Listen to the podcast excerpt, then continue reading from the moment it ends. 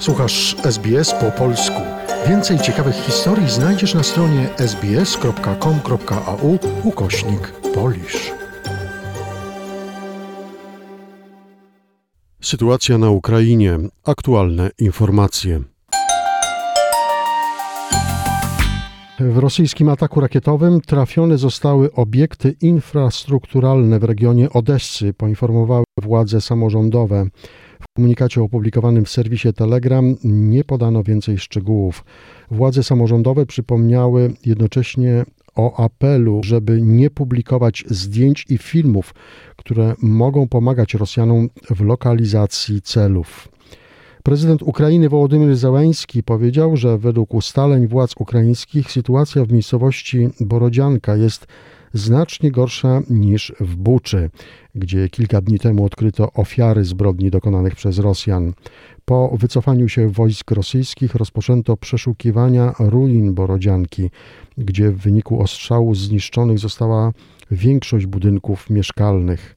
Pod gruzami mogą się znajdować setki osób.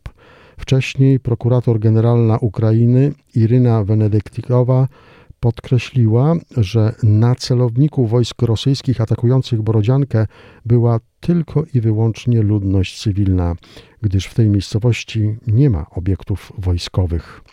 Dziś planowana jest wizyta w Kijowie szefowej Komisji Europejskiej Ursuli von der Leyen. Razem z nią do ukraińskiej stolicy przybyć ma też wysoki przedstawiciel Unii do spraw zagranicznych Josep Borrell i premier Słowacji Eduard Heger.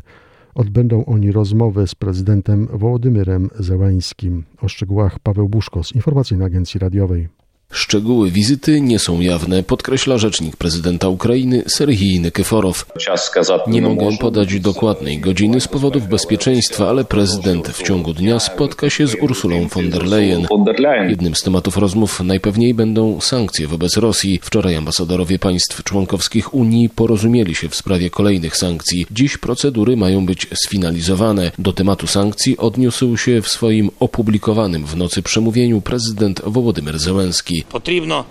Potrzeba więcej sankcji. To odwaga powinna być kryterium oceny sankcji. Odwaga i praktyczność.